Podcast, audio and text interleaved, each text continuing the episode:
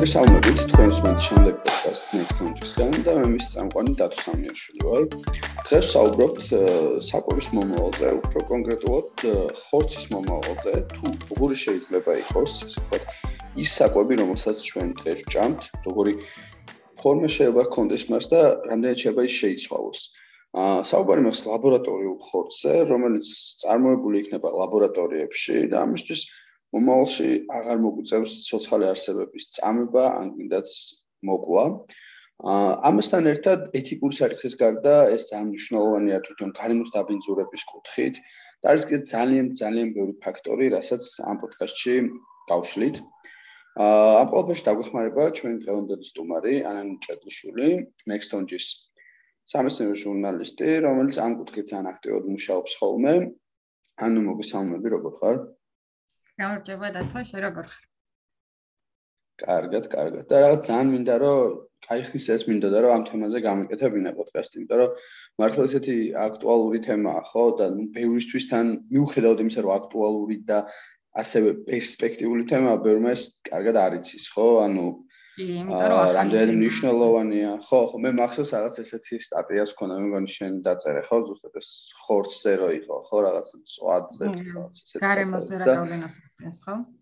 ხო, და ძალიან დიდი აგრესია წამოვიდა მკითხველისგან, კონკრეტული რაღაც კონკრეტული მკითხველისგან. აა რომლებიც ვერ ხვდებიან ხო ძირითადად ადამიანები და რაღაც ასოცირებენ ხოლმე ამას რომ რაღაც აი ბუნებრივია სიტყვაზე ხორცის ჭამაც თითქოს ბუნებრივი იყოს რაღაც თავის თავად და ეს არ უნდა შეიცვალოს და რეალურად ძალიან ბევრი პრობლემა მოყვება იმას ხო გარდა იმისა რომ ცხოველებს ტანჯავთ და ტკივილს ვაყენებთ და უხოცავთ ხო და მოგეთ აი ამ თემით რომ დავიწყოთ და მე ნუ უკვე ჩავშალოთ ხო ანუ რა საჭიროა საერთოდ ეს ლაბორატორიული ხორცი? თვითონ დავიწყოთ ალბათ ჯობია და რაზე ვსაუბრობთ საერთოდ რა ლაბორატორიული ხორცი? იმიტომ რომ ბევრმა შეიძლება უბრალოდ გაგებული კონდეს, ან ბევრი შეიძლება დღეს ჩვენი პოდკასტის გაიგოს, საერთოდ რო არსებობს ესეთი რაღაცა, რაც არის ლაბორატორიული ხორცი.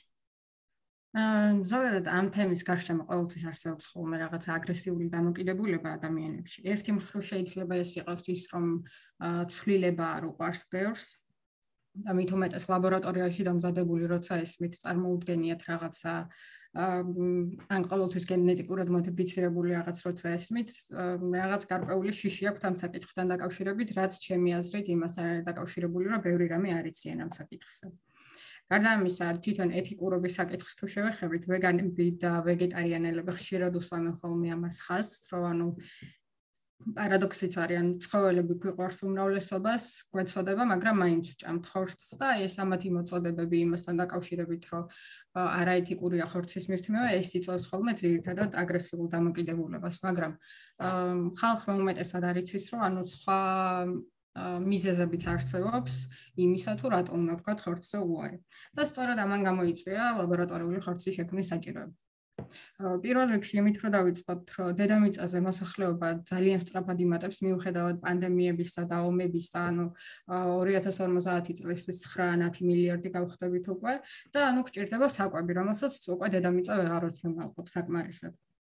გარდა იმისა, რომ ჩვენ ადამიანები ვიკვებებით და ჩვენ გვჭირდება ბევრი ესკვებითი რესურსი, აა ყავს უამრავი ფერმის ცხოველები, წელიწადში რაღაც ათობით და ასობით მილიონ ფერმის ცხოველს ვკლავთ და მათაც სჭირდება თავის მხრივ საკვები. ანუ რა შევადაროთ, სცენარეულ საკვებს ეს ცხოველები უფრო მეც მოიხმარენ ვიდრე ჩვენ ადამიანები. აა ბევრად მეტიც არიან ხო აი იმ დღეს რაღაცა ციფრებს უყურებდი და აი კიდეც ქათამი რო იყო და ნუ კიდეც შინაური ცხოველები რომლებიც მოშინაურებული ყავს ანუ იმდენად კოლოსალურად მეტნი არიან ვიდრე კიდეც ნებისმიერი გარეული ცხოველი ხო და თითქმის ყველა გარეული ცხოველი რაღაც გადაშენების პრობლემა აქვს როცა ამის პარალელურად პიკი ხდება შინაური ცხოველების შემთხვევაში. და ეს არ არის ბუნებრივი აი ამასაც მინდა ხაზი გაუსვა როცა საუბრობენ ხოლმე რომ აი ბუნებრივი არის ის თუ ეს ბუნებრივი არ არის ხო ის რომ მაგალითად ათობით და უფრო მეტი მილიარდი ქათამი არსებობს მაგალითად, ხო? რა თქმა უნდა, ბუნებრივი არ არის, ყოველთვის ესე არ ყოფილა და კიდე ისიც აღსანიშნავია, რომ ანუ აი ამ ფერმების ხრთასთან ერთად უფრო და უფრო ვავიწროებთ სხვა გარეულ ცხოველებს, იმიტომ რომ თქვათ მაგალითად მარცვლეულის მოსაყვანად, რომლითაც უნდა გამოიკვებოს ეს ცხოველები, იჩეხება ძალიან დიდი რაოდენობით, ძალიან დიდ ტერიტორიაზე ტყეები და ეს დეფორესტაციის პრობლემა ისედაც დგას ადამიანებიდან გამომდინარე და ესეც ოქნეს საფრთხეს, იმიტომ რომ ამით ვსპობთ ცხოველების ბუნებრივ ჰაბიტატებს. მეორე სამხრივ შენ ციცი აი ეს როგორ იცვლება ცხოველების ზომა დროთა განმავლობაში ფერმის ცხოველების ანუ ესენი არიან გენეტიკურად მოდიფიცირებული ცხოველები ჰორმონებს ასმევენ მუდმივად და ზრდიან ზომაში იმისთვის რომ გაზარდონ მათი პროდუქტიულობა. ანუ მაგალითად ერთ ძროხამ რომ იმაზე მეტი ხორცი მოგცეს ვიდრე თქვა ადრე ყვაცლებდა და მოგცეს მეტი რძე თქვა ქათამმა მეტი კვერცხი და ასე შემდეგ ხო, ანუ ეს ზომებთან დაკავშირებით, კი, კი, აი გინდა სიმღერასაც ჩვენ ჯუშიც მქონდა ჩაგდებული, რომ რამდენად გაიზარდა ზომაში ქათამი, ხო, და რაღაც 350%-ზე მე გავზარდეთ ზომაში და ნუ ეს ცალკე კიდე ის არის ხო რაღაც. აჰა. კი, კიდე რაღაც მქონდა ადრენანახი, ანუ ისეთი ქათმები არის მიღებული, რომლებიც თითქმის არ დადიან რა, ანუ პროსტა დევს ეს ქათამი და ანუ ძალიან ცოდვა ზოგადად ეგეთი ცხოველი ეგეთი ცხოველის მიღებაც და თვითონ მაგათი ცხოვრება. ხო, ნუ ეგ ცალკე საკითხია, როდესაც საუბრობთ მართლაც ნამდვილად, იმიტომ რომ ერთი არის არსებობა და მეორე არის არსებობის ფორმა. ანუ თავად არსებობა არ არის უკვე ის, რომ რაღაცა პრივილეგია იყოს რაღაც დონეზე, ხო შეიძლება არსებობა იქცეს იმათ, რომ ეს პირიქით იყოს, არა პრივილეგია, არამედ პირიქით, ხო, უფრო ტანჯვასთან და წამბასთან იყოს ასწრებდა. რა პირობებში არიან ძირითადად ესეთი ცხოველები, რომლებიც ამ თით ფერმებში არიან, ხო, ამ საწარმოებში. კი, განსაკუთრებით ის საკითხია. აჰა, აჰა. ხო და კიდე ამ ჰორმონებზე ისიც უნდა ითქვას, რომ ზოგადად ჰორმონები ან პესტიციდები, რომლებსაც ვთქვათ, ცენარების ამათთვის მარცვლეულის მოსაყვანად იყენებენ, მე ძალიან აბინძურებს გარემოს და გარემოში რაც აღწელდება, ქმნის მკვდარ ზონებს, ვთქვათ, სანაპიროებსა და ასე შემდეგ. ანუ ესეც ძალიან აზიანებს გარემოს, არა მარტო ის ნარჩენი, რომელსაც პირდაპირ წარმოქმნიან ცხოველები, არამედ ეს ჰორმონები და მსგავსი ნივთიერებები, ქიმიკატები. აი ეს თემა რომ რაღაც ფორმა მივცეთ, მოკლედ აი როგორ გამოდის ახლა უყურე. აა ერთი არის რომ არაბუნებრივი გარემო, სადაც ძალიან ბევრი ცოცხალი ორგანიზმი ვაჩენთ, რომელიც ამდენ ფიზიკურად არ უნდა ყოფილიყო და ეგ ერთია. მეორეა რომ ეს არსებები არიან საშნელ ვითარებაში ცხოვრობენ, უწევთ სრულად არაბუნებრივ გარემოში ცხოვრება. ქათამი ახსენ შენ მინახავს მე ძროხები და ეს ხორები, რომლებიც ა ზოგ შემთხვევაში არც უნდა თუ კუნთები ჩამოუყალიბდეთ და როგორც ერთ პოზიციაში არიან დაწოლილები მაგალითად იქ გოჩშოუშე ხო გალიევში სპეციალში რომ ვერც გაიოს მათთვის ანუ ის რაც მათ ევოლუციის განმავლობაში ხო მილიონობით წლის განმავლობაში უყალიბდებოდა ტრიკლებები ამაზე ელემენტარულ იმას ვერ იღებენ ხო ესე ვთქვათ და უცებთ არაბუნებრივ გარემოში და მე შემდეგი კიდე რაც ასევე ძალიან მნიშვნელოვანი და გლობალური პრობლემაა გარემოს დაბინძურება, ხო? ანუ ერთი რომ მათაც საკვები ჭირდება და მეორე აი აა ემისიებზეც რომ არის ხოლმე, ხო? მათ შორის ამ შემთხვევაში ძროხების ფაქტორია, ხო, მნიშვნელოვანი მე მგონი. აა ძროხების ფაქტორი პირდაპირ არის დაკავშირებული მეთანის ემისიებთან, მაგრამ ზოგადად ანუ აა აი მთლიანი ციკლი რო განვიხილოთ, ხო? ხდება პირველ რიგში ამ ცხოველებისთვის რაღაც საკვები რესურსების მოყვანა, მონოკულტურების დათესვა, რაც ასევე მიწას აზიანებს ძალიან მიწის რესურსებს. მე ამათი ტრანსპორტირება, დამუშავება საკვების ცხოველების გამოყვება ბოლოს უკვე მათი დაკლა ან მოკლა როგორც ვიტყვით და შემდეგ უკვე არის ისა საკვების დამუშავება პირდაპირ ანუ მაგალითად სტეიკის დამუშავება და როგორც ვიცით ეს ბევრად უფრო მეტ რესურსებს მოიხმარს ვიდრე თქვა მცენარეული ან თუნდაც ლაბორატორიაში გაზრდილი ხორცის წარმოება. ცალკე არის ნუ კიდე ემისიები და აი შედარებისთვის რო ავიღოთ მაგალითად ლაბორატორიაში გაზრდილი ხორცი მოიხმარს 7-დან 45%-მდე ნაკლებ ენერგიას, ნაკლებ დაახლოებით 90 90%-ით ნაკლებ სათბურის აირებს გამოყოფს. 99%-ით ნაკლებ მიწას მოიხმარს და ასე შემდეგ. ანუ ბევრად დიდი განსხვავება არის ამ შორის. და თან კიდე რო დაუკვირდე, ნახე ხო არის ქათამი, რომელიც ერთ ადგილას დევს და პროსტა იზრდება რა, ვერ დადის ნორმალურად ვერ ფუნქციონირებს, ან კიდე ეს ხორები და ცროხები, რომლებიც პატარა გალიებში ყავთ და აქვე ზრდიან, ანუ დრო და და ერთ შეხედვით ეს არის, რომ ანუ პირდაპირ ხორცს ზრდიან ამათგან, ხო? ო, ნუ რეალურად სხვა არანაირი ფუნქციაც არ აქვს გამოდის და ნუ ხო ეგ არის. მოსიარულე ხორცით გოვიტყოდი, მაგრამ მოსიარულეც არ გამოდის რაღაც შემთხვევაში, ხო? კი და ამ ხრივ ლაბორატორიულ ხორცს გარდა იმისა რომ ნაკლებ რესურსებს მოიხმარს და ნაკლებად აზიანებს გარემოს ბევრად დიდი უპირატესობა აქვს იმიტომ რომ ამ ყველაფრის ანუ პირდაპირ იმინა ხორცს ზრდი რა ანუ იმას ქათამს არ ზრდი ხორცისთვის ზრდი პირდაპირ ხორცს უჯრედებიდან და ისე რომ თან დიდი რაოდენობით ცხოველებს არ აწამებ და არ კლავ. და არც მიწის რესურსებს იყენებ თქვა.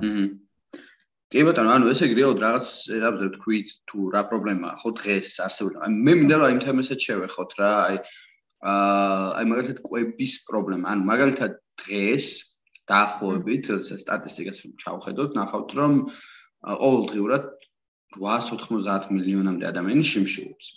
ეს ერთი. აა ყოველ რამდენიმე წამში ერთხელ საშუალოდ თითო ბავშვი ხდება შემშილით. და ნუ ეს ხდება იმ რეალობაში, როდესაც ლაპარაკობთ ხო, რომ აი ამდენი საკვებია, ამდენი ეს არის, ეს არის, ეს არის. ფაქტია ის საკითხი რამდენად ეს გადანაწილებული. სწორად და ვიცით რომ არ არის სწორად გადანაწილებული თანაბრად ნამდვილად არ არის გადანაწილებული, მაგრამ მეორე მხრივ, ანუ ფაქტია რომ საკვები მაინც არ ყოფნის, ხო, მოსახლეობაზე ვერ ვანაწილებთ თანაბრად და აი ამ ხრივადაც რამდენად შეიძლება იყოს გამოსავალი გინდას ეს ლაბორატორიული ხორცის ფენომენის გაჩენა და შემდეგ გამრავლება და გავრცელება. ანუ ბევრად უფრო მარტივი იქნება სიტყვაზე ამის წარმოება, აი ეს საკითხიც ძალიან საინტერესოა. აი შეიძლება ეს ერთი შეხედვით მარტივი არ იყოს, მაგრამ მიზანი მგონია რომ ზუსტად ეგ არის ერთი გარემოზე და გარემოს დაბინძურების შემცირება და მეორე ამ საკვების და შიმშილის პრობლემის გადაჭრა, იმიტომ რომ დაახლოებით რა დაუკვირდეთ, ანუ მოსავლის სცენარიული მოსავლის 40% მიდის შინაური ცხოველების გამოყენებაზე. არა და ამ რესურსის ნახევარით საკმარისი იქნება ეს მოშიმშილი ადამიანების გამოსაკვებად და ანუ დაახლოებით მაინც შიმშილის პრობლემის გადასაჭრელად. ან ძალიან საინტერესო რაღაც თქვი ხა შენ ბოდიშო ჩაგეთენ. რა გამოდის რომ ანუ აჰა ხო, ანუ ეს შინაური ცხოველები, რომლებიც შემდეგ საკვების ფორმა არიან რეალ ადამიანებისთვის, რაღაც ეტაპზე კონკურენციაში შემოდნენ ისევ ადამიანებთან საკვების მოხმარების მხრივ. ხო, იმიტომ რომ ისინი იღებენ ის რაღაცა შეება ადამიანებს. ხო. ან გაქვს საკმარისი შემოსავალი, ხო, მიირთმევ ხორცსაც და თუ არ გაქვს საკმარისი შემოსავალი, შეიძლება მცენარეული საკვების არ დარჩეს შენთვის. აჰა. ხო, არა, ეგ ძალიან საინტერესო ფენომენი იყო, რომ ანუ ფაქტია რომ ანუ თვითონ სცენარიულ საკვების მხრივ შეიძლება შინაური ცხოველი იყოს კონკურენტი ადამიანის და ერთ-ერთი მიზეზი რატომაც შეიძლება სცენარიულ საკვების ნაკლებობა იყოს იყოს აი ეგ ხო? კიდაც აჰა. კი. ეგეც არის ერთი მაჩვენებელი და ამ დროს ადრე ვნახე რამდენიმე წლის წინ იყო ესეთი სტატისტიკა დღეს არ ვიცი როგორ შეიცვალა ეს რიცხვი მაგრამ ანუ 40% მიდის სცენარული სოკების მეცხოველეობაზე და ამ დროს ამერიკაში იყო ესეთი რაღაც, რომ მიღებული კალორიების 18%-ს იღებენ მარტო ცხოველური საკვებიდან. ანუ მარტო ამ 18%-ისთვის ხარჯავთ ამდენ რესურსს ცხოველებზე. დანარჩენი ან რა გამოდის? დანარჩენი გამოდის მცენარეული საკვები, ან არ ვიცი. ხო, მცენარეული საკვები. ხო?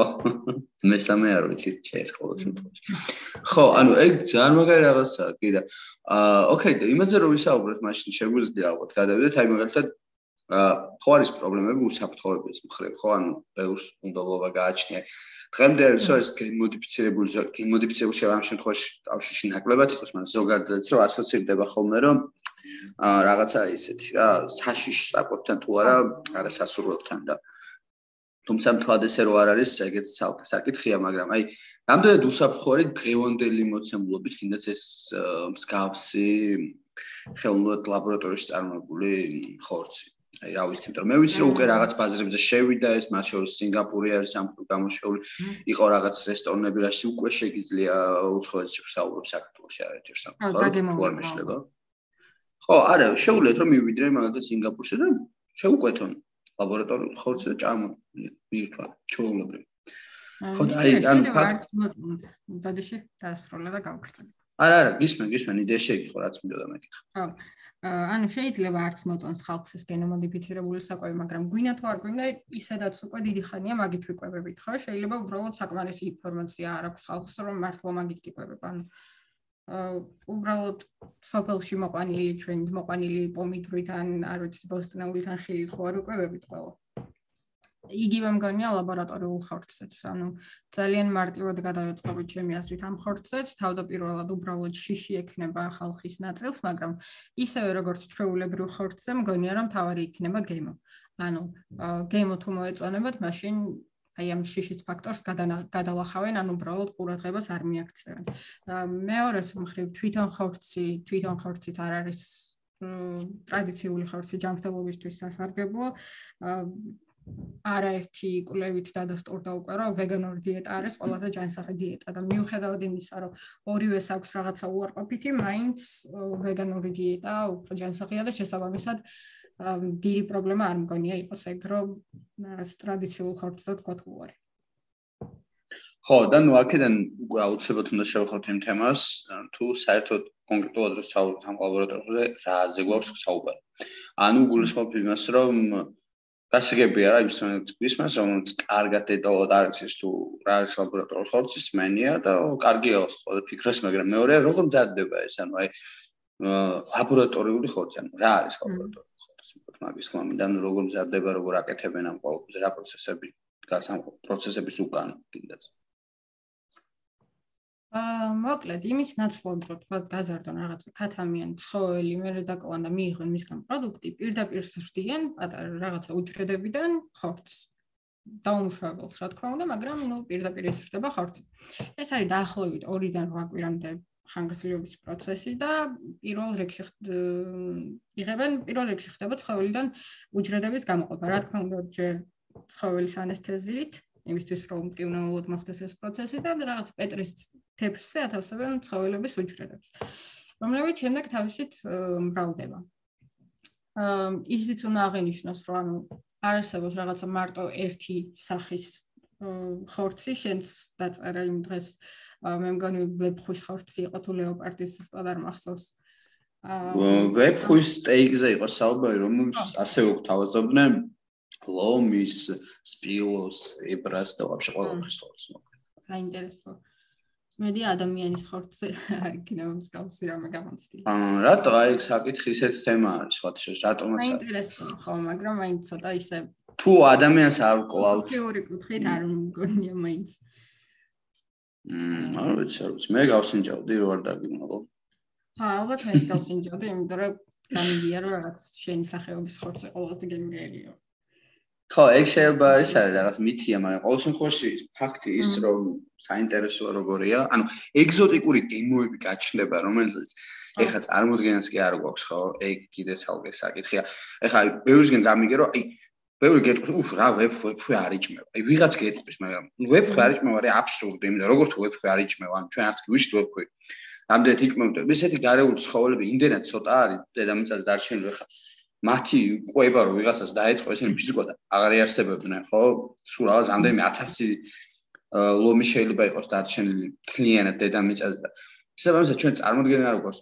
აი მეორე სტატიაში, რომელიც ჩვენ ახსენე, ხო, მანდე ეწერა, რომ მაგალითად ვებხვის ხორცი შეიცავს რაღაც სპეციფიურ ცილებს რომელიც ხვას არ გააჩნია. იყო ისავარი სპილოს ხორცზე, რომელსაც რომელიც შეიცავს სპეციალურ სპეციფიურ ცხიმებს, რომლებიც სხვა სოციალურ ორგანიზმს ფიზიკურად არ გააჩნია და ეს აჩენს რაღაცა ანუ საერთოდ ახალ ფაზებს და ველებს, ხო და რა ვიცი. მ ეგ მაგას ხშირად იყენებენ ხოლმე ამ ვეგანიზმის საწინააღმდეგოდ, რომ ძროხაში არის რაღაც სპეციფიური ცილები, რაც აუცილებლად უნდა მიიღო იმისთვის, რომ იყო ჯანმრთელი და ასე შემდეგ. არა, ეგეც ერთგვარი პარადოქსია, ანუ წარმოიდგინე, შენი თუ არ დაკლავ თქვა და მოკლავ ვებხს და შენი თუ არ დაამზადებ იმისგან ხორცს, მაგრამ ვებხის ხორცის გასინჯვა მაინც გაინტერესებს. იგივე არის, როცა მაგალითად არ ქსიამოვნებს რაღაცა პირდაპირ დაუმუშავებელი ხორცის შეხება, მაგრამ ბურგერებს თავისუფლად ჭამს სიამოვნებით. განსაკუთრებით ძალიან მაგარია ხოლმე საწარმოებში, ერთადაც ვიცით რომ ნამდვილი სასაკლაოებია, ან ყველაფერს და სასაკლაოს თავი დავანებოთ მოკლული ცოცხალი არსების ხორცია და ზედ რაღაც გაღიმებული ძროხის სახე, ან ბეთნიერი ხორი. ხო, ნუ ეგ ეგ ცალკე იმას მგონიშნებს, რომ ადამიანი რაღაც დონეზე მაინც ალბათ ალბათ კი არა ეგრეა, ხო, არ სიამოვნებს ის რომ სხვა ცოცხალ არსებებს მასიურად გულისხმობთ რომ ვიღაცა შეიძლება ძალიან ბევრი რაღაც მოსწონდეს და არ მოსწონდეს. არსებობს რაღაც ზიანს აყენებენ, მაგრამ ამ ხრივ ანუ იქნებამდე რაღაც საჭიროება არის ამის მარტივად ხუჭავთ თვალს რაღაცები და ფუთავთ უფრო სხვანაირად და ალბათ ეს ალტერნატივები რო გამოჩნდება შესაბამისად უფრო აქტუალური გახდება ეს რაღაცები და უფრო ბევრი ადამიანი ილაპარაკებს ამ პრობლემებს. აჰა მეც ეგრე ვარ სხვათა შორის მაგ საკითხზე, ანუ რაღაც წელიწად ნახევარი ვიყავი ვეგეტარიანელი, მე ცოტა ხანი შევეშვი, მე კიდე ანუ ძალიან ბევრი კვების სტილი მაქვს ინჯე ვეგეტარიანელობა, ვეგანობა, პესკეტარიანელობა, ვეგეტარიანელობა, ყველაფერი მოკლედ, ანუ ჩემ თავზეც მაგას დავაკვირდი, რომ ძალიან არ მსიამოვნებს და არ უჭერ მხარს ამ არაეთიკურ ხორცს, მაგრამ ამ გარკვეულწილად იმ стереოტიპების გავლენის ქვეშ ვექცევი, რომ მაინც მჭირდება რაღაც ცილის მისაღებად ვთქვათ. და ნორმალური ფუნქციონირებისთვის და მით უმეტეს რაღაც ქვეყნებში, სადაც ეს food insecurity-ს პრობლემა დგას, ანუ ყოველ დღე როცა ვერ შეულობ რაღაც საკვებს, მით უმეტეს უფრო ძნელია ეგეთ ქვეყნებში ვეგანო ვეგანობა ან ვეგეტარიანობა. ვეგეტარიანობა ნუ იმდენად არა. აა აჰა. ამით. კი ბატონო. ხო და ანუ მაგაზე მაგაზე არის კიდე ესეთი რაღაცა რა, ანუ წარმოიდგინე თუ დავიწყებთ ამის წარმოებას. ხა მე მაგალითად რო ვეცნობდი რაღაც ინფორმაციას, შეიძლება რაღაცა რამდენიმე წლის წინ გავს ერთი ბურგერის საკმარისი ხორცი ლაბორატორი ხორცი დაჯდებოდა 10000 დოლარი. პირობითად ვამბობ. დღეს რაღაცა 11 დოლარი შეიძლება დაიჯდეს წარმოება თვითონ ამ ხორცის კონკრეტული მასის და აი ამ ხრივ რა ინფორმაცია გავშენე, ანუ რამდენად სწრაფად ვითარდება ეს ინდუსტრია და რამდენად უნდა ველოდოთ რომ ფასები კიდევ უფრო დაიწევს? მე ვიცი რომ კიდევ უფრო დაიჭ მაგრამ რამდენად სწრაფად შეიძლება მოხდეს ამის ფასების ვარდნა და რაზე შეიძლება იყოს ეს დამოკიდებული? უშუალოდ რაღაცა კვლევებზე მოთხოვნა მიწოდებაზე თუ სხვადასხვა ფაქტორები არის კიდე ისეთი რაც ეხლა მე მაგალითად არ მithkom სად როგორ იცი ვიცი რა, აი ტრადიციული ხორციც რო ავიღოთ, მთლიან ციკლს რო დავაკვირდეთ, რა ჯდება თქვა რაღაცა ხორცის წარმოება, ეგეც ძვირი გამოა ჩემი აზრით და ისედაც ხედავთ რომ ძვირი, ანუ ცალკე იყოს თქვა ეს ფინანსური რესურსები რა ჯდება და ცალკე ავიღოთ ის რომ ამით ძალიან ვაზიანებთ გარემოს. აქედან გამომდინარე რომ მაინც უპირატესობა აქვს ჩემი აზრით ლაბორატორიულ ხორცს, მაგრამ ფასებს რა შეეხება, დამოკიდებული არის თვითონ ამ ქარხნებზე იმ აღჭურვილობაზე რაც ქარხანას ჭირდება ხორცის გასაზრდელად და ასე შემდეგ. აი სხვა სტარტაპების შემთხვევაში არ ვიცი რომ დაახლოებით 30-მდე შეიძლება მეტი სტარტაპი არსებობს რომელიც ლაბორატორიულ ხორცს აწარმოებს ან ამ საკითხზე მუშაობს. ყველაზე ცნობილი არის მე მგონი ისრაელ ისრაელში დაბოცნებული ფიჩერმით რომელმაც უკვე დაიყვანა 1.70 დოლარზე ეს ხარჯები. ანუ ლარში რო ავიღოთ ეს არის 5 ლარი და 16 თეთრი. რაც საერთოდ არ არის ბევრი. დავაზუსტებ, რომ ეს არის ერთი ნაჭერი ქათმის მკერდის ფასი. ხო, ანუ ერთი ქათმის მკერდზე საუბარი. ხო, ან ჩაულებრივი ჩაულებრივი ხორცი მაგდენი რა ღირს წარმოქმნა არ მაქვს სიმართლე რომ გითხრა, მაგრამ მე მგონი ძალიან ძი რა არის. ხო, დაახლოებით შევა მაგდენი ღირდეს, მაგრამ მეორეა რომ ეს რო ღირს აწარმოებს, მე რემან მოგებაც უნდა ნახოს და ის ესე თქვა გაყიდის პირობითად რესტორანზე. რესტორანი კიდე რაღაცას ამატებს და შესაბამისად ალბათ 2-3ჯერ ჯვირი გამოვა რესტორანში უმირთვა მაგალითად იგივე. მაგრამ ნუ ეს ამ ეტაპზე აი ამ ხრივ აი პროგრესი რას უნდა ველოდეთ თქვა იქ მაინტერესებს? როგორი პროგრესი შეიძლება იყოს ახლა რომ უნდა გაიაფდეს ერთის ხრივ და ხო ნუ მთავარი ეგ არის რომ უნდა გაიაფდეს მაგრამ მეორეს ხრივ ძალიან აქტიურად ხდება ვეგანობის წახალისება განსაკუთრებით მაგალითად ბრიტანეთს თუ შევხედავთ არ მახსოვს ზუსტად, მაგრამ მე მგონი 60%-ით შემცირდა ბოლო რამდენიმე წელში რძის პროდუქტების წარმოება. უბრალოდ 60% შემცირდა მოხმარება? კი, კი. რაღაც მსგავსი მახსოვს დავასუსტებ მე ამას. აა და ეგრე ვფიქრობ, რომ ანუ ორივე მხრიდან უნდა მოხდეს რა საკითხის ხელშეწყობა. ერთი მხრივ ის, რომ ხალხმა უნდა ეტაპობრივად შეამციროს ცხოველური პროდუქტების მოხმარება, არა მხოლოდ ხორცის, ასევე რთის პროდუქტების, კვერცხის და ასე შემდეგ და მეორე მხრივ გარკვეულწილად უნდა გაიაფდეს ეს ლაბორატორიული ხორცი. მაგრამ აინც მთავარი გამოსავალი მგონია, რომ ალბათ გაიაფდება დროთა განმავლობაში ისეთ მაჩვენებლამდე, რომ ბოლოს და ბოლოს ტრადიციულის ნაცვლად ყველა ამჯობინებს ამ ეთიკურ ლაბორატორიულად წარმოებულ ხორცს. ხო ანუ მომავალზე რო საუბრობთ, მოკლედ ამ გადმოსახედიდან ეს ლაბორატორიული ხორცი ერთ შეხედვით აუცილებლად ჩანს, ხო, იქ მომავალში. სადღაც მომავალში. ალბათ უფრო ახლო მომავალში და არა შორეულში, ხო? ხო, ანუ რადგან გამოჩნდა უკვე და რადგან დაიწყო უკვე ამაზე აქტიურად მუშაობა, ვფიქრობ, რომ არ იმედია ჩვენც მოესწრებით მაგ დროს, როცა უკვე ესე ძალიან ფართოდ დამკვიდრდება და ნელ-ნელა ჩაანაცვლებს. ანუ ერთადერთი გამოსავალი მე ეგ მგონია, ან თლიანად ხორცის ამოღება, ან ლაბორატორიულ ხორცზე გადასვლა და ეს ლაბორატორიულ ხორცზე გადასვლა უფრო დამაჯერებელ დამაჯერებლად ჟღერს ჩემი აზრით. პლანეტის რა არის ხა დამა ანუ პლანეტის მომავალი ზოგადად თუ გვინდა მართლა გარემოზე ფიქრი და თუ გვინდა რამენაირად კლიმატის ცვლილების შერბილება მაინც ესაც ერთ-ერთი მნიშვნელოვანი საკითხია არ მხოლოდ თქვათ განახლებად ენერგიაზე გადასვლა ან ელექტრომობილებზე გადასვლა თქვათ бенზინა бенზინზე მომუშავე მანქანებიდან მანქანებიდან არამედ ასევე ცხოველური არაეთიკურად წარმოებული ცხოველური პროდუქტების მოხმარების შემცირება. ხო, იმიტომ რომ ფაქტია, რომ ძალიან ბევრი რაღაცა იცვლება ჩვენ გარშემო, იმდაც ენერგიის მოხმარება ახსენაშენ.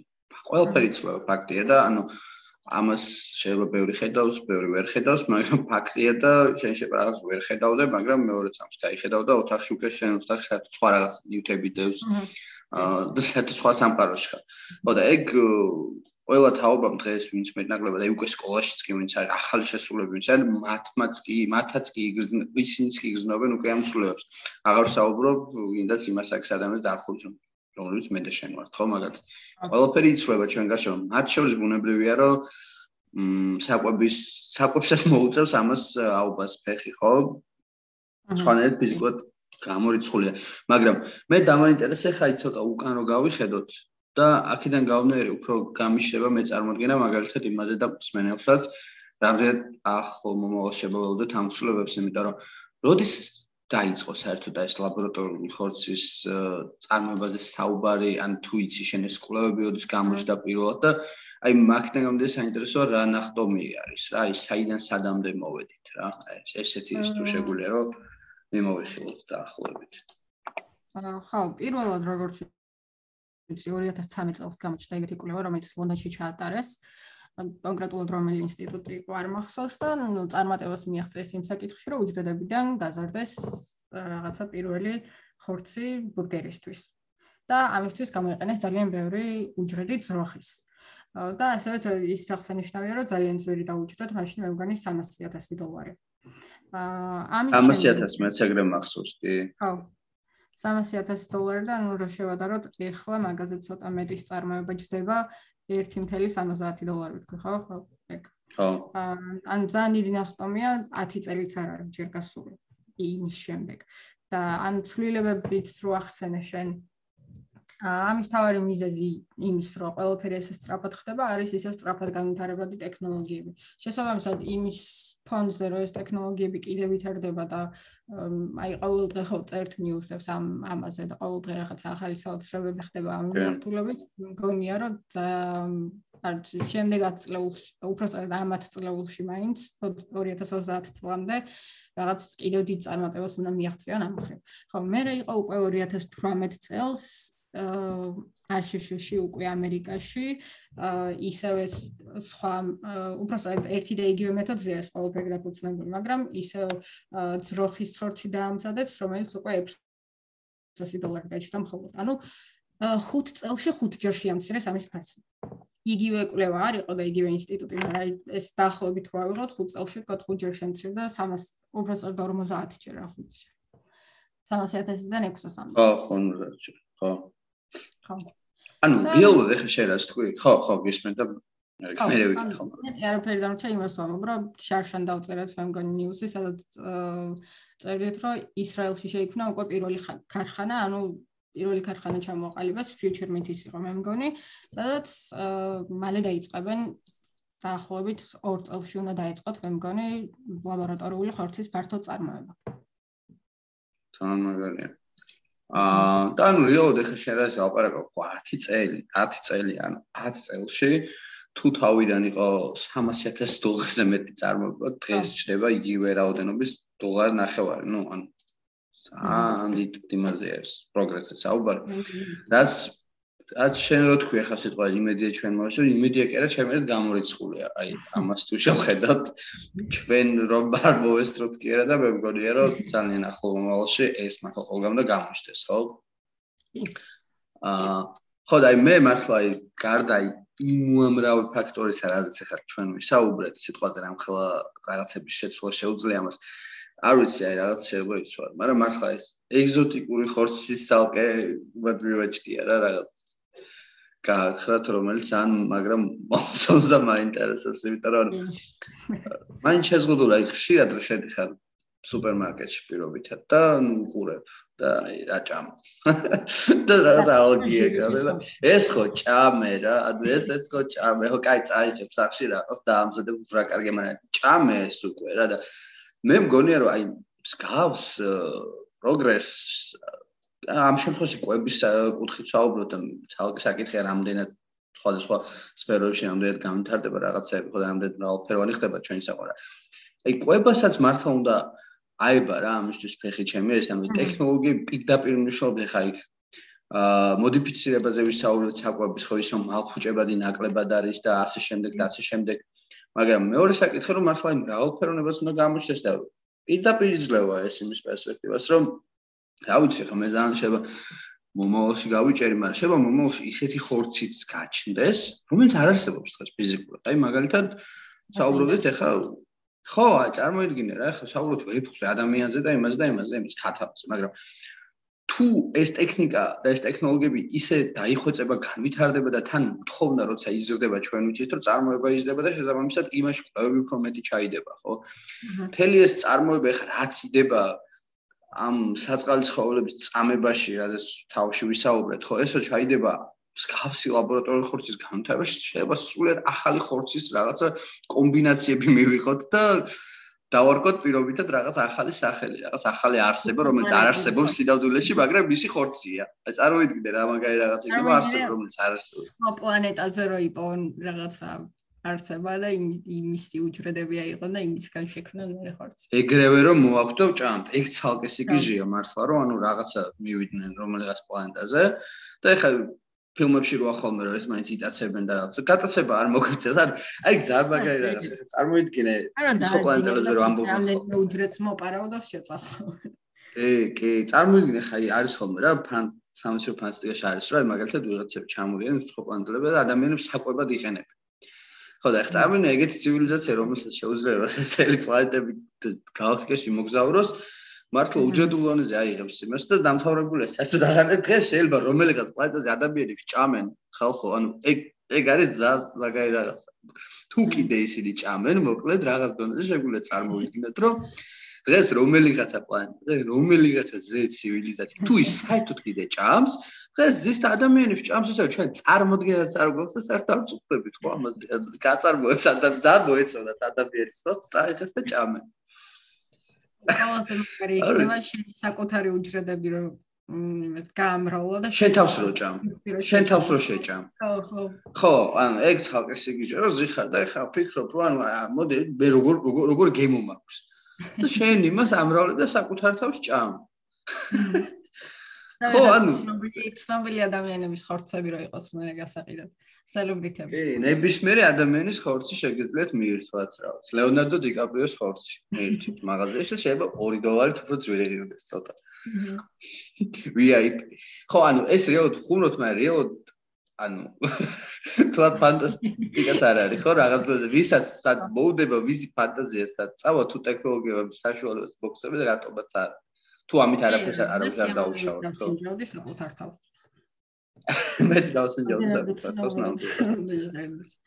ან საინტერესოა იმ სვენელი ასპექტებს ამაზე, რამდენად გასინჯავდა საკუთარ თავს და ზა ზა ის არის რა ქვია ვიცი ხო? მოკლედ ძალიან ძალიან წავედით ახლა ცოტა იქით, მაგრამ მოკლედ ფაქტია რომ ეს არის რაღაცა ძალიან პერსპექტიული თემა რა და აა კიდე რა მინდოდა იცი მე თქვა აი ხორცზე საუბრობთ, მაგრამ ხორცი ხო მარტო არ არის ის სადაც ადამიანი იკვებება, ხო არის სცენარეული საკვები. ამ ხრივ რამდენად შეიძლება რომ აი მე ვიცი რომ იგივე ყავა და ესეთ რაღაცების იგივენაირად შეიძლება ამ ყოველთვის წარმოება რა. და ამ ხრივ არის მნიშვნელოვანი ის საკითხი რომ აი მაგალითად წარმოიდგინე ამინდის პრობლემები რა. ანუ მაგალითად როდესაც იცვლება კლიმატი და ასე შემდეგ რა ხდება ხოლმე მაგ დროს ხო? ანუ აი როდესაც ბრაზილიაში გაჩნდა რაღაც პრობლემები გაჩნდა ყავის ფასი სოფლიოში წარმოებაში ხო?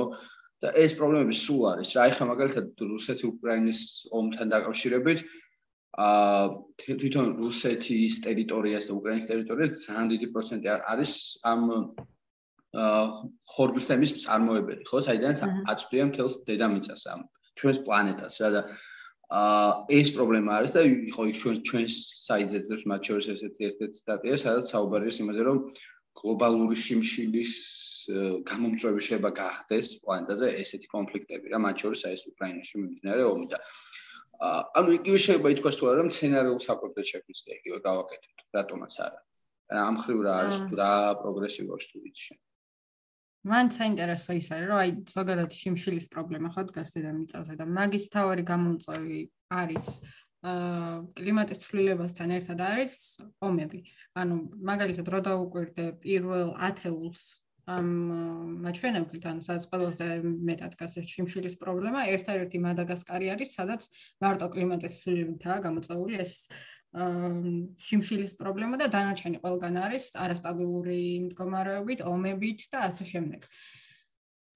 ეგ მან არ ვიცი ხა მომავალში როგორ იქნება, მაგრამ ვფიქრობ, რომ დღესაც ზოგადად რამე პრობლემა თუ დგას მაგ მიმართულებით, ნუ ვერ ვიტყვი რომ ძალიან გარკვეული ვარ მაგ საკითხებში, მაგრამ ვფიქრობ, რომ ეგ პრობლემები შეიძლება და დავძლიოთ მომავალში ამ კვების ტექნოლოგიების გაიაფებით. ანუ ამ ეტაპზე ვფიქრობ, რომ რაღაც ამათი სიძვირის გამოდგას მსგავსი პრობლემები თუნდაც ის რო სადღაც აა სეტყვის გამო ან თქვათ რამე გვალვის გამო იკლებს მოსავლიანობა. დღესაც დავწერე მაგაზე ერთი ნიუსი. მეცნიერები ცდილობენ, რომ გაზარდონ ფოტოსინთეზის ეფექტიანობა მცენარეებში და უფრო მეტი გამძლეობა შეძინონ მცენარეებს დათბობის მიმართ. და შესაბამისად გაზარდონ მოსავლიანობა ზუსტად ამ ზარდი მსოფლიო მოსახლეობას, ზარდი მსოფლიო მოსახლეობის გამო, ანუ ამის საპასუხოდ რა, ამ პრობლემის საპასუხოდ. აა ხო, საინტერესო რაღაც იყო, ანუ 20-30 მილიონი წლის წინ იმაზე ცოტა მეტი იყო ნახშირორჟანგის კონცენტრაცია ატმოსფეროში, ვიდრე ეხლა არის. ანუ მაშინ თუ იყო რაღაცა 500 ნაწილი მილიონზე, ეხლა არის 450-მდე მე მგონი. და იმ მაშინდელი მცენარეებიდან რაღაც ფერმენტი ფერმენტის გენი იმას ქნეს გარკვეს მაშინ მცენარეებს რაც ქონათ და ცდილობენ რომ ამის ინტეგრაცია მოახდინონ ახლანდელ მცენარეებში ამ შემგუებლობის გასაზრდელად და ფოტოსინთეზის ეფექტიანობის გასაზრდელად. აგერ ხო არა ეგ ეგ ცალკე საკითხია ხო და ფაქტი ხე მოსახლობის დრო თქვი ხო ანუ 2050 წლისთვის ველოდებოდებით ეს გაგანათქმა. ნუ 9 მილიარდს გადააჭარბებს ადამიანების რაოდენობა და დამწეს დღეს არის 7 მილიარდ აა რამდენი ასეული მილიონი, მოკლედ 8 მილიარდი არ არის ნამდვილად ჯერ და აა როგორც ამბობენ ეს გაზდის დაახლოებით შეიძლება 50%-ამდე შაკობის ხოლმე გაიზარდოს რა და ანუ ეს ცალკე ფაქტია რომ წარმოება წარმოების გაზრდა მოგვიწევს და აა ხო რაღაც პარადოქსი გამოდის ხო? ანუ ერთია რომ უკვე დღევანდელი სისტემა როგორც ვაწარმოებთ ხორცს უქმნის პრობლემას თვითონ პლანეტას და მეორეს მხრივ სტადი მოთხოვნა ამაზე და გაზრდა მოგვიწევს ამის და ამიტომ ფაქტია რომ რაღაცა სულებები მოგვიწევს ხო ამ მხრივ. იცი რა ანუ ბევრ ჭამთ უკვე ადამიანები იმასთან შედარებით ვიდრე ადრე ვჭამთ იმიტომ რომ გვაქვს ამის რესურსი. და კაპიტალიზმიც ესე მოქმედებს რომ ანუ გვაწუდის ამას და თითქოს გვაძალებს, რომ აი რა გემრიელია და უნდა მიირთვა და ჩვენც რაღაცა ვემორჩილებით ამას და იმაზე მეტ ვიყვებებით, ვიდრე ადამიანს ჭირდება რეალურად. ხო, იმიტომ რომ აი მაგალითად იგი ხო ეს სწორი თქვი რომ ერთია რომ სისტემა კაპიტალიზმი გინდაც რას გეუბნება, რომ შთაგაგონებს მოდივიოთ რაღაც მოიხმარო და ეს მოხმარება რეალურად საკვებზეც აისახება და შენ იღებ იმდენ კალორიებს, რამდენიც შენ ბიოლოგიურად არ გჭირდება, ხო? დღეს ხო კაცობრიობის თავარი ერთი თავარი არ ვიცი, მაგრამ ნუ პრობლემა არის ყოველ შემთხვევაში ის, რომ ძალიან ბევრი ადამიანი ხო, ჭარბწონიანობის პრობლემაა დღეს პლანეტაზე და იმის მაგივრად რომ მან თელი ეს ევოლუციის განმავლობაში, ეს მილიონობით წლის განმავლობაში როგორც ყალიბდებოდა ჩვენი ორგანიზმი, ჩვენი ორგანიზმი იბრძოდა იმისთვის, რომ მაქსიმალურად შეძლებოდა ამ კალორიების მოხვეჭა, მიღება და შემდეგ ხელს შენახვა, რომ ადამიანი სულ ამ საკვების მოპოვებაზე იყო, ხო, ორიენტირებული. საუბრობ სანამ გაჩნდებოდა მიწათმოქმედება და თელ ან თავისი არსებობის ძალიან დიდი პროცენტი homo sapiens არა მარტო ცივილიზაციებამ, ზოგადად მიწათმოქმედებამდე აქვს გატარებული და ეს ნიშნავს იმას, რომ ჩვენი არსებობის, რავი, 70% უფრო მეტი მომთაბარეობა იყო და ძირითადად იყო იმაზე ძიება, რომ რა ეჭამა და აი მაქრო არის ძალიან საინტერესო ის საკვების მომენტი, აი კბილის მომენტი, რატო უყარს ადამიანს კბილი.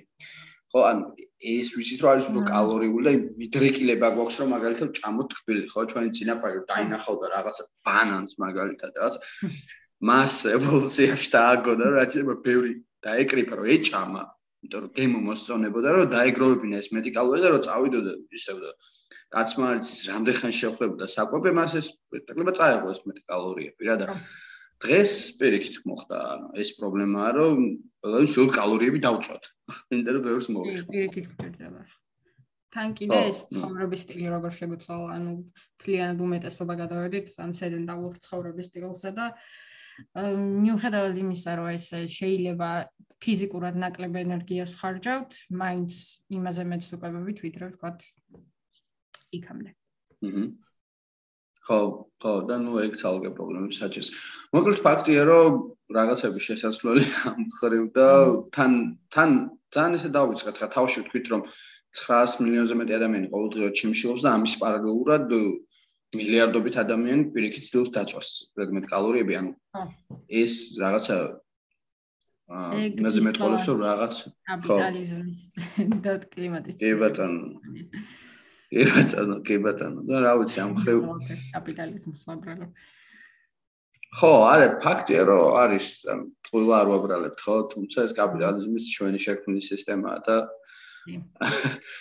ამ რაღაცების გადაფასება გვიწევს იქიდან გამომდინარე, რაც ისი შესვლად შეგვიძლია ან არ შეგვიძლია და ნუ ერთ-ერთი ისი შესვლად შეგვიძლია დღეს აი ამ თემას დღესაც ვცხოვრობ ეგ არის ხო? აა არ ვიცი, ალბათ შეგვიძლია ნელ-ნელა რაღაც შეჯამებისკენ ერთ დასასრულისკენ წავიდეთ, თუ შენ არ ფიქრობ, რომ რაღაც ეს თემა არის ამ ხრივაც კიდე შეგვიძლია რომ ხაზი გაუსვათ ამ სვენელს და აინტერესებდა, რომ არ გამოგჩეს ამ ხრივ რაღაც მნიშვნელოვანი. აი, წარმოების ლაბორატორიული ხორცის წარმოების პროცესზე რო საუბრობთ, თავიდან დავიწყე და მე გადავერთე სხვა საკითხზე და ეს თემა გამოვტოვეთ, მე მგონი და ხوارჯაბიან თავიდან მიუბრუნდეთ. კი, კი, კი, როგორ არის? მოკლედ როგორც თქვი იყო 2-დან 8 კვირამდე ხანგრძლივობის პროცესი და პირველ რიგში ხდება ცხოველის ანესთეზია და მისგან ეს რაღაც უჯრედების ჯგუფის გამოყოფა რა ცირე რიცხვის. აა ამის შემდეგ უჯრედებს ათავსებენ ბიორეაქტორში და უჯრედები იწყებენ გამრავლებას და პარალელურად მეცნიერები ყვებენ მათ მცენარეული საკვებით, ესეც ძალიან მნიშვნელოვანია, რომ ისე მცენარეული საკვებით ამარაგებენ მათ. აა უჯრედებს ყვებენ, აი ეს დავაზუსტოთ ანუ პერსონალ შეიძლება გაუჭირდეს იმის გაგება თუ როგორ რას ნიშნავს უჯრედს ყვებენ, აი ეს რო ანუ აი ორგანიზმში უჯრედი ხო იყვება ისედაც ნიუტრიებათა ცვლა ხომ მიდის და იგივენაირად ხდება აქაც ბიორეაქტორში, უბრალოდ რაღაც ორგანიზმში არ არის ორგანიზმის სისტემის ნაწილი არ არის ეს უჯრედი და ამიტომ გარედან არის საჭირო მისი გამოყვება. ცოცხალია, მაგრამ არ არის რაღაცა კომპლექსური ნაწილის ერთ-ერთი შემადგენელი. რა აი ეს შეგვიძლია თქვა თუ ხო. ხო, ანუ აი ცხოველი ხო იკვებება, თქვა, მცენარებით იკვებება, ან თუნდაც ხორცით, მე გადაამუშავებს და საკვები ნიუტრიენტები მიეწოდება უჯრედებს. ეს უჯრედების ცალკე გამოყოფილი ჯგუფი რო არის, ეს რა თქმა უნდა, არსაიდან არ მიეწოდება ბუნებრივად ამათ საკვები, ამიტომ საჭიროა გარედან მათი მომარაგება და ამას მეცნიერები აკეთებენ ბიორეაქტორში. რაღაც ბულიონს ქმნიან მოკლედ, რომელიც არის იმ გარემოს სტიმულაცია, რაც რაც არის იმ ცხოველში, რომელსგანაც აიღეს მოკლედ ეს უჯრედები. და შედგება რაღაც მჟავებისგან, გლიკოზისგან და ასე შემდეგ. მოკლედ, ერთი სიტყვით, ბიორეაქტორში ქმნიან უჯრედებისთვის ისეთ გარემოს, როგორიც იქნებოდა ცხოველის ორგანიზმში. ანუ ცდილობენ, რომ იგივე გარემო შეუნარჩუნონ, რაც ცხოველიდან ექსტრაქციამდე ჰქონდათ მათ. და მოკლედ ამ საკვებით ცდილობენ რომ ეს უჯრედები ისეთივე სიჩქარით გაზარდონ, რა სიჩქარითაც გაიზრდებოდა ბუნებრივად, ანუ ცხოველის ორგანიზმში. ანუ მაქსიმალურად ცდილობენ რომ ბუნებრივ პროცესს მიუახლოვონ ეს უჯრედების ზრდის და გამრავლების პროცესი.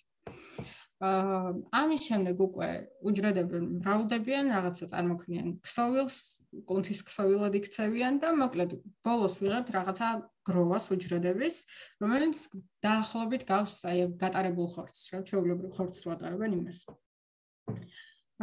და რა თქმა უნდა, იმისთვის რაღაც მომხმარებელს მიაწოდონ, საჭირო რომ დაამსგავსონ უფრო იმზიდველ სტეიქს თქვა ან ამ ჩაულებრივ ტრადიციულად მიღებულ ხორცს ამ რითაც ვიკვებებით და ამისთვის შემდეგ უკვე უჯრედებში შეყავთ ცხიმი, რაღაცა დამაკავშირებელი ქსოვილის უჯრედები, რომ ეს რაღაცა გროვა, გროვას არ გავდეს და გავდეს ერთიანი რაღაც მასას, ხორცს და ნუ აი ამ ცხიმით და დამაკავშირებელი დამაკავშირებელი ქსოვილებით უკვე ამსგავსებენ ჩაულებრივ პროდუქტს, ხორცის პროდუქტს და შედეგად ეს არა მარტო შესახედაობას, ასევე არომატსაც კარგს ანიჭებს ამ ხორცს. აქ ყველაზე საინტერესო ის არის, რომ აი ამ რაღაც ბულიონი ხო ყვებენ უჯრედებს და ამ ბულიონის შემადგენლობის შეცვლა არის შესაძლებელი, ანუ შეგიძლია ისე შეცვალო ეს საკვებ ბულიონის შემადგენლობა, როგორც შენ გინდა და შესაბამისად გააკონტროლო ამ ხორცის ყვებითი ღირებულება ამით. ვა, ძალიან მოკლედ მეგობრებო, აი ესე მზადდება ლაბორატორიული ხორცი და რომ იცოდეთ თქვენ შეგიძლიათ ამ ამ ამ მომენტიდან მოკლედ ჩვენც ეს მოისმინეთ. ხო, შესაბამისად ცხადია, რომ დრის სიხორცის მიღებაც უნდათ იმ ცხოველისგან მიიღებენ შესაბამისად ამ უჯრედებს, ანუ იქნება ეს ძროხა, ან ლაბორატორიული ლაბორატორიული ხორცი, როგორც თქვით უკვე არ ნიშნავს მარტო ძროხის ხორცს, ასევე არის ხორი, ზღვის პროდუქტები, ქათამი, ქათმის მეორე, ინდაური და ასე შემდეგ. ქათმის მეორე რო არის. ინდაურო, ქათმის მეორე ხარ შე. ხო, კი, კი, ხო, ეს ეგრე ავუქოთ მე მგონი, ხო მეც ეგრე ავუქო, ის მეორე რო არის რაღაც. აა კი ბატონო, მე მგონი ეგ არის ხო, რავი, ამ თემაზე, არ ვიცი ხა დაგზელება გსულ შეიძლება, მაგრამ ძირითადი რაღაცებია, ხო, მგონი შევეხოთ, ხო, ამ ამ ფორმატში, ასე ვთქვათ. სადღაც 40-50 წუთს 50 წუთს განმავლობაში მე მგონი მაქსიმალურად მოვიცავით ეს თემა. აა კარგი, რავი, თუ რამე ისეთი არ არის, ანუ მე მგონი შეგვიძლია რომ შევაჯამოთ, ხო? აა შემიძლია რაღაც პროცესს თქვა ერთი არის სიტყვა.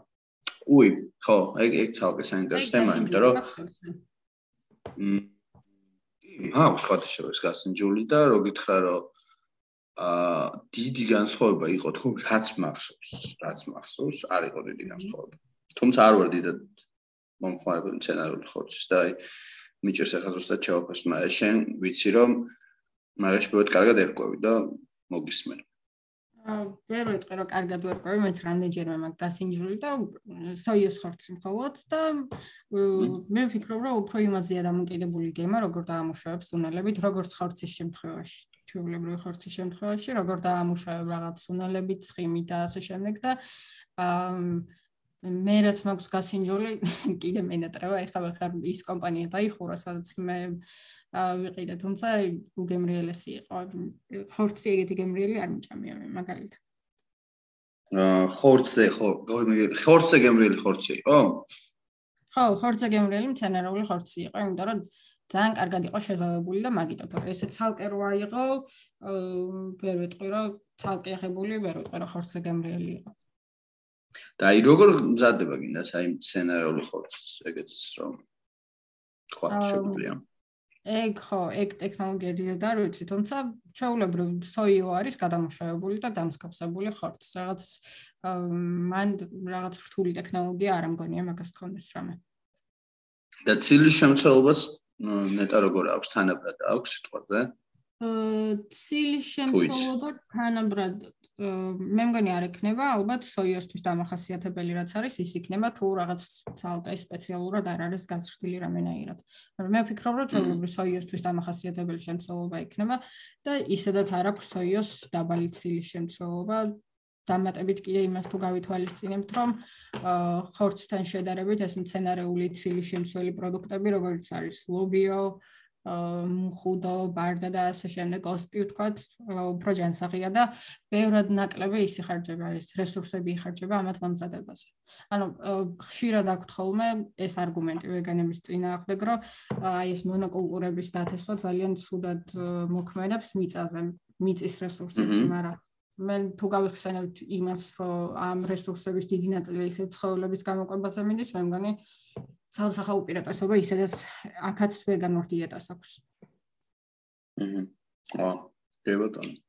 ხო, საინტერესოა ეს ესეთ ესეთ მომავალში, სადაც აა საჭირო აღარ იქნება დიდი ფერმების წარმოება. შესაბამისად ქათმებსაც მოუწევთ რაოდენობას შემცირება. ნუ ვინც იქნება ცოცხალი ქათამ მომავალში იმას კარგი ბედნიერი ცხოვრება იქნება, მაგრამ რაოდენობით მოუწევთ შემცირება, ხო და საინტერესოა აი ეს საფლებში მაინც დარჩება.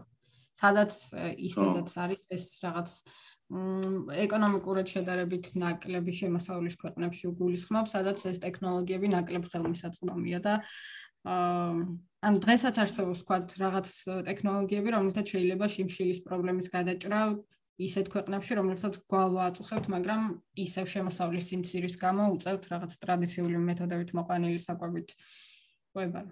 ამიტომ ეგეთ ქვეყნებში ალბათ გარკვეულწილად დარჩება ისევ ეს ტრადიციული ხორცი, მაგრამ ნუ მასობრივად ფიქრობ, რომ გადავალ. ეცი რა არის, ახლა გამიჩნდა უცებ ესეთ შეკითხვა, არ ვიცი რა შეიძლება რამდენი შეიძლება ამაზე პასუხი გქონდეს და შეიძლება არც გქონდეს და ბუნებრივიც არის, იმიტომ რომ არ ვიცი ვაფშე ამაზე ვის შეიძლება გქონდეს, მაგრამ ირამდენ მაქსიმალურად ამდენად გაიაფება შეიძლება ნედა ესეთი ხორცის თქო, იმიტომ რომ თუ ეს ტექნოლოგია ძალიან დაიხვეწება, ახლა ქათამი მაგალითად ვიცით რომ ქათამი ჭირდება რომ ჩაისახა გაჩნდა, გაიზარდა და მეორე მოკლეს და აწარმოებენ ამ ხორცს, ანუ ამის აა გაიაფება მაქსიმუმ რითაც შეგვიძლია გავხსნა ის რომ მაქსიმალურად დიდი ფერმები იყოს და მოდიფიცირებულ დონეზე ან სელექციის დონეზე უფრო დიდი ქათმები გავაჩინოთ ხო სიტყვაზე მაგრამ აი ამ ხრივ რა განვითარება შეიძლება იყოს ამ შენ როგორ წარმოგიდგენია რამდენად შეიძლება გაიაფდეს ან შეიძლება ისეთი რეალობას მივიღოთ რომ აი უიაფესი ღირდეს კიდაც ხო აი ყველაზე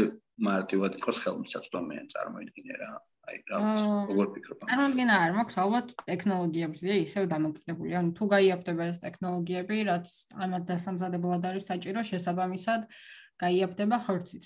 იმედი მაქვს, რომ იმ რაღაც მაჩვენებლამდე გაიაფდება, რომ ტრადიციულ ხორცზე უფრო იაფი გახდება, აა უფრო გემრიელის მიღება ისედაც შესაძლებელია, ამიტომ მაგაზე დიდად არ ვფიქრობ, რომ შეიძლება ნაკლებად გემრიელი იყოს ჩეულებრივ ხორცზე, მაგრამ ხო, გონია რომ შესაძლებელია ისე გაიაფება, რომ უფრო იაფი ღირდეს ვიდრე ტრადიციული ხორცი და ეგ იქნება მთავარი რაღაც აა მიზეზი რის გამოც ხალხი გადავა ტრადიციულიდან ეთიკურ ხორცზე.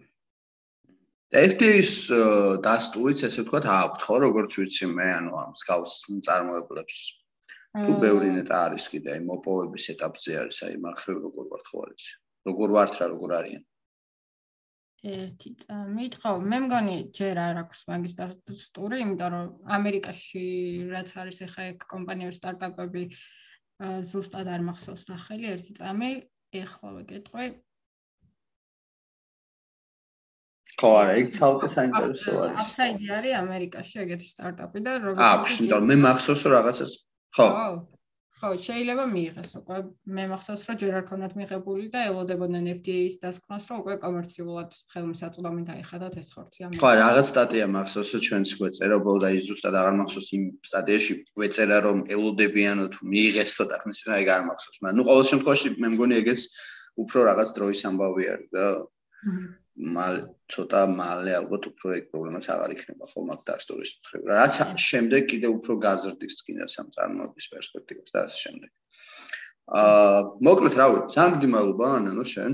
მმ მე მგონი ძალიან საინტერესო გამოვიდა და მეც ბევრად გავიკე ამ ხით ახალი და დარწმუნებული მსმენელმაც და აა რა ვიცი, დავაჩქაროთ მოკლედ ეს პროცესი, ვისაც შეუძლია იმან დააჩქაროს მოკლედ, თორე რა ვიცი, ცოტა კიდე უფრო შორეულ მომავალზე თუ ვისაუბრეთ, მომავალს შეიძლება ადამიანებს ან იმ არსებებს, რომლებიც ესე ვთქვათ, ადამიანების ამ ჩვენ შემდეგ იქნება, საერთოდ წვება აღარც დასჭირეთ, ან აღარც მოუნდეთ და სანამ დროა მოდი დავაჩქაროთ ეს, ხო, რომ შეიძლება საკვები აღარც დაგჭირდეს და მე ეს ბიზნესიც ისე როგორ განვითარდეს, შეიძლება ჩაგვდეს, ამიტომ ნახოთ მოკლედ რა იქნება შემდეგ და როგორ იქნება.